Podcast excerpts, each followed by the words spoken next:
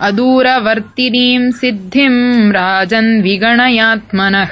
उपस्थितेयम् कल्याणी नाम्नि कीर्तित एव यत्।